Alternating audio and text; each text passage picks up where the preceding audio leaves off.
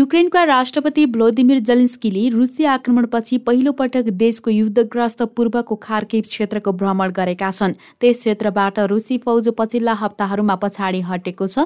जेलेन्स्कीको कार्यालयले टेलिग्राममा bullet proof vest लगाएका राष्ट्रपति जेलेन्स्कीको भिडियो र खार्किब र त्यसको वरपरका थुप्रै भत्किएका भवनहरू देखाएको भिडियो पोस्ट गरेको छ। खार्किब र त्यस क्षेत्रमा दुई हजार दुई सय उनातिस भवनहरू ध्वस्त भएका छन्। हामी पुनस्थापना पुनर्निर्माण गर्ने गर्नेछौँ पोस्टमा उल्लेख गरिएको छ। युक्रेनका राष्ट्रपति भ्लोदिमिर जलेन्स्कीले युद्धग्रस्त खार्किब सहरको भ्रमण गरेका छन्। दोनबास क्षेत्रमा रुसी फौजले आफ्नो पकड कायम गरिरहेका बेला राष्ट्रपति जेलेन्स्कीले पूर्वी युक्रेनको भ्रमण गरेका हुन्। खार्किब भ्रमणका क्रममा जेलेन्स्कीले उत्तर पूर्वी सहरका सुरक्षा प्रमुखलाई बर्खास्त गरेको घोषणा गरेका थिए।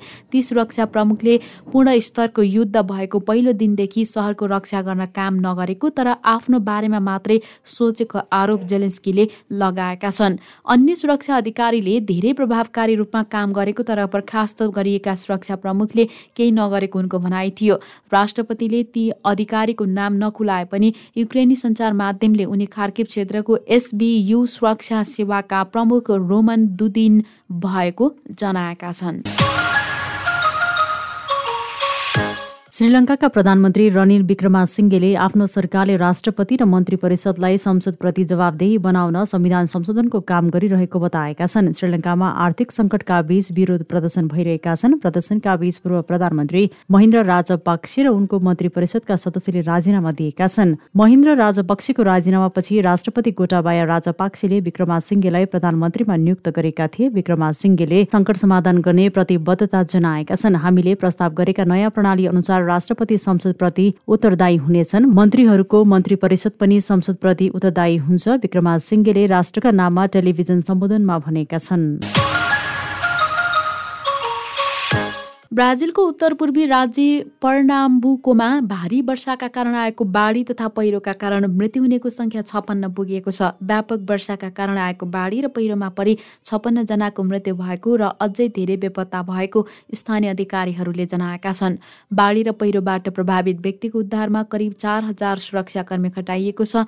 उत्तर पूर्वी पर्नाम्बुको राजधानी रेसिफे सहर सबैभन्दा बढी प्रभावित भएको छ। उक्त सहरमा मात्रै तीसभन्दा बढी मानिसको मृत्यु भएको प्रहरीले पुष्टि गरेको छ। ब्राजिलका राष्ट्रपति जाइर बोल्सोनारोले स्थितिको मूल्याङ्कन गर्न सोमबार रेसिपीको भ्रमण गर्ने ट्विटर मार्फत प्रेसित एक सन्देशमा जानकारी दिइएको छ। छिमेकी राज्य अलागोसमा बाढीका कारण दुईजनाको मृत्यु भएको र करिब सात हजार विस्थापित भएको जनाइएको छ भने अन्य छिमेकी राज्यहरूमा पनि अविरल वर्षाका कारण आएको बाढी तथा पहिरोले जनजीवन प्रभावित भएको जनाइएको छ। पर्नाम्बुको नौ नगरपालिकामा स्थानीय तहले आपतकालीन अवस्थाको घोषणा गरेका छन्। अमेरिकी तल्लो सदन हाउस अफ रिप्रेजेन्टेटिभकी सभामुख न्यान्सी पोलिसीका पति पाउल पोलिसी पक्राउ परेका छन्। मदिरा पिएर गाडी चलाएको आरोपमा उनी पक्राउ परेको क्यालिफोर्निया राज्यको नापा काउन्टी क्रिमिनल जस्टिस नेटवर्कको पब्लिक बुकिङ रिपोर्टमा उल्लेख छ। पाउल नापा काउन्टीबाट शनिबार मध्यरातमा पक्राउ परेको अन्तर्राष्ट्रिय समाचार संस्था रोइटर्सले जनाएको छ। केही घण्टापछि उनलाई जेल चलान गरिएको थियो। उनलाई दुईवटा मुद्दामा जेल पठाइएको जनाइएको छ। उनको रगतमा शून्य दशमलव शून्य आठ प्रतिशत अल्कोहल भेटिएको थियो। पब्लिक बुकिङ रिपोर्टका अनुसार पाउल पेलोसी पाँच हजार डलरमा जमानतमा आइतबार बिहान रिहा भएका थिए। पाउलका विषयमा सभामुख पेलोसीले कुनै टिप्पणी गरेकी छैनन्। सान फ्रान्सिस्को निवासी बयासी वर्षीय पाउल पेलोसीले सन् उन्नाइस सय त्रिसठीमा न्यान्सी पेलोसीसँग विवाह गरेका हुन्। उनीहरूका पाँच सन्तान रहेका छन्। भारतीय कङ्ग्रेस पार्टीका नेता तथा पन्जाबी गायक सिद्धु मुसवालाको गोली हानी हत्या भएको छ। उनको मानसा जिल्लामा गोली हानी हत्या भएको भारतीय सञ्चार माध्यमहरूले जनाएका छन् र गोली लागेर अन्य दुईजना घाइते भएको जनाइएको छ। पन्जाब सरकारले मुसेवाला सहित चार सय चौबिसजनाको सुरक्षा फिर्ता लिएको भोलिपल्ट यस्तो घटना भएको हो। पन्जाबका मुख्यमन्त्री भगवन्त मान नेतृत्वको सरकारले भिआइपी संस्कृतिलाई रोक्न भन्दै उनीहरूको सुरक्षा हटाएको थियो। मुसेवाला र उनका दुई साथीहरू पन्जाबको जवाहर के गाउँमा जीपमा जाँदै गर्दा आक्रमण भएको जनाइएको छ। उनीमाथि आठदेखि दसजनाको समूहमा आएका बन्दुकधारीले तीस राउन्ड गोली प्रहार गरेको भारतीय टेलिभिजन च्यानल एनडिटिभीको अनलाइन संस्करणले जनाएको छ। मुसवाला गाडीको सिटमा ढलेको र धेरै रगत बगिरहेको अवस्थामा फेला परेका थिए। उनलाई अस्पताल पुर्याए लगत्तै चिकित्सकले मृत घोषणा गरेका थिए। प्रहरीले यो आक्रमणको जिम्मेवारी क्यानाडामा रहेका एक गुण्डाले लिएको जनाएको छ। उनको हत्यामा लरेन्स बेस्नोई गिरोह संलग्न रहेको जनाइएको छ। गिरोहका सदस्य लक्कीले क्यानाडाबाट जिम्मेवारी लिएको छ। पन्जाबका डिजिपी बिके बरालले भने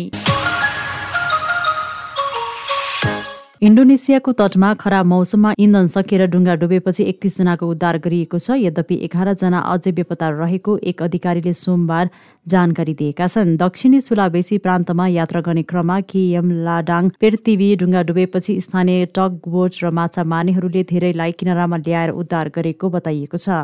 उद्धार गरिएका ती व्यक्तिहरू घर फर्किसकेका र उनीहरूको स्वास्थ्य सामान्य भएको उद्धारकर्ताहरूले बताएका छन्। उद्धारकर्ताहरूले हेलिकप्टर तैनात गरेका छन् र बेपत्ताको खोजीमा डुङ्गा डुबेको ठाउँबाट बीस समुद्री माइलसम्म खोजी क्षेत्र विस्तार गरेको बताइएको छ। हेलिकप्टरसँग यात्रु ओसार पसार गर्ने अनुमति नभएकाले कप्तान र मालिक दुवैलाई सोधपुछका लागि लगिएको छ। सन् दुई हजार अठारमा सुमात्रा टापुमा रहेको विश्वको सबैभन्दा गहिरो तालमा डुङ्गा डुबेर एक सय पचास भन्दा बढी मानिसको मृत्यु भएको थियो। सक्रिय प्रतिरोधका बावजुद रुसी सेना पूर्वी युक्रेनी सहर सेबेरोडोनेट्सकको मध्यभागमा पुगेको सो क्षेत्रका क्षेत्रीय गभर्नरले बताएका छन्। रुसियाहरू सेरोडोनेट्सकको बीचमा अघि बढिरहेका छन्। लडाईँ चलिरहेको छ। स्थिति धेरै कठिन छ। लुहान्सक क्षेत्रका गभर्नर सर्कीय गाइदायले सामाजिक सञ्जाल मार्फत बताएका छन्।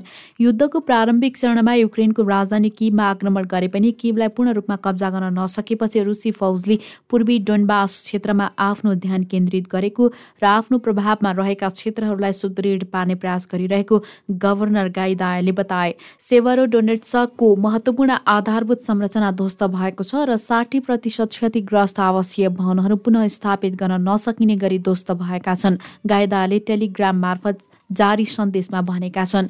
उनले भने त्यस इलाकाका तीनजना डाक्टरको गाडीमा नराम्ररी क्षति भएको छ भने उनीहरू सम्पर्कविहीन रहेका छन्। दुईजना स्वयंसेवकलाई गाडी चलाइरहेको समय रुसी फौजले उनीहरूलाई लक्षित गरी आक्रमण गरेको गभर्नरको आरोप रहेको छ। रुसी सेनाको आक्रमणको प्रमुख उद्देश्य रहेको सम्पूर्ण लुहान्स क्षेत्र कब्जा गर्ने रुसको मार्गमा रहेका विभिन्न महत्वपूर्ण सहरी केन्द्रहरूमध्ये करिब एक लाख मानिसहरू बसोबास गर्ने सेवारो डोनेट्सक एक हो। यसअघि रुसी सेनाहरूले त्यस इलाकाको सानो सहर र पहिलेको रेल केन्द्र लिमानलाई कब्जा गरेको र सेवारो डोनेट्सक र त्यसको नजिकैको सहर लिसी चान्सक माथि दबाव बढाएको बताएका थिए। पाकिस्तानी प्रधानमन्त्री शहबाज शरीफले खैबर पख्तुनख्वाका मुख्यमन्त्री महमुद खानलाई खाद्यान्नको उपलब्धतालाई सामान्य र सुलभ बनाउन निर्देशन दिएका छन्। चुनावी सभालाई सम्बोधन गर्दै उनले राज्य सरकारले आगामी चौबिस घण्टाभित्र प्रति दस किलोग्राम गहुँको पिठोको मूल्य चार सय रुपियाँ बनाउन नसकेकामा यसका लागि आफूले पहल थाल्ने बताएका छन्। आइतबार थाकार रङ्गशालामा आयोजित सभालाई सम्बोधन गर्दै प्रधानमन्त्रीले भने म यो प्रतिबद्धता व्यक्त गर्दछु कि यदि राज्य सरकारले खाद्यान्नलाई सुलभ तथा सस्तो बनाउन नसकेमा यसका लागि आफैले पहल थाल्ने र जनतालाई आफ्नो निजी स्रोत र साधन बेचेर भए पनि आधारभूत खाद्यान्नलाई सस्तोमा उपलब्ध गराइनेछ। पूर्व प्रधानमन्त्री इमरान खानलाई लक्षित गर्दै उनले मुलुकलाई सबैभन्दा बढी मुद्रास्फीति र बेरोजगारीको उपहार दिएको आरोप लगाए। प्रधानमन्त्री सहबाजले इमरान खानको नेतृत्वमा भएको सरकारको आलोचना गर्दै खानले गरिबका लागि पचास लाख घर र दस लाख रोजगार प्रदान गर्ने प्रतिज्ञा गरे तापनि यसमा असफल भएको र देशलाई आर्थिक सङ्कटमा धकेलेको आरोप लगाए। पाकिस्तानी अङ्ग्रेजी पत्रिका डनले प्रधानमन्त्री सहबाजलाई उद्धृत गर्दै लेखेको छ म पाकिस्तानलाई समृद्ध र विकासको बाटोमा डोर्याउनका लागि आफ्नो जीवनको कुनै प्रवाह नगर्ने तपाईँहरू सामु गम्भीरतापूर्वक घोषणा गर्दछु। बालोचिस्तानको चुनावी अभियानलाई सम्बोधन गर्दै प्रधानमन्त्रीले नागरिकहरूलाई आफूमाथिको भरोसा गर्दै आफ्नो दलको पक्षमा मतदान गर्न आग्रह गरे। उनले प्रजातन्त्र कानुनी असल शासनको लागि तीसदेखि पैँतिस प्रतिशत नागरिकले आफ्नो दलको समर्थनमा मतदान गर्ने विश्वास व्यक्त गरे। उक्त अवसरमा चुनावी र्यालीमा उनले आफ्ना पिता मोहम्मद शरीफ र दाजु तथा Pakistan Muslim League Nawaz PMLN पार्टीका पूर्व अध्यक्षले राष्ट्र र राष्ट्रियताका लागि गरेको योगदानको समेत चर्चा गरेका थिए।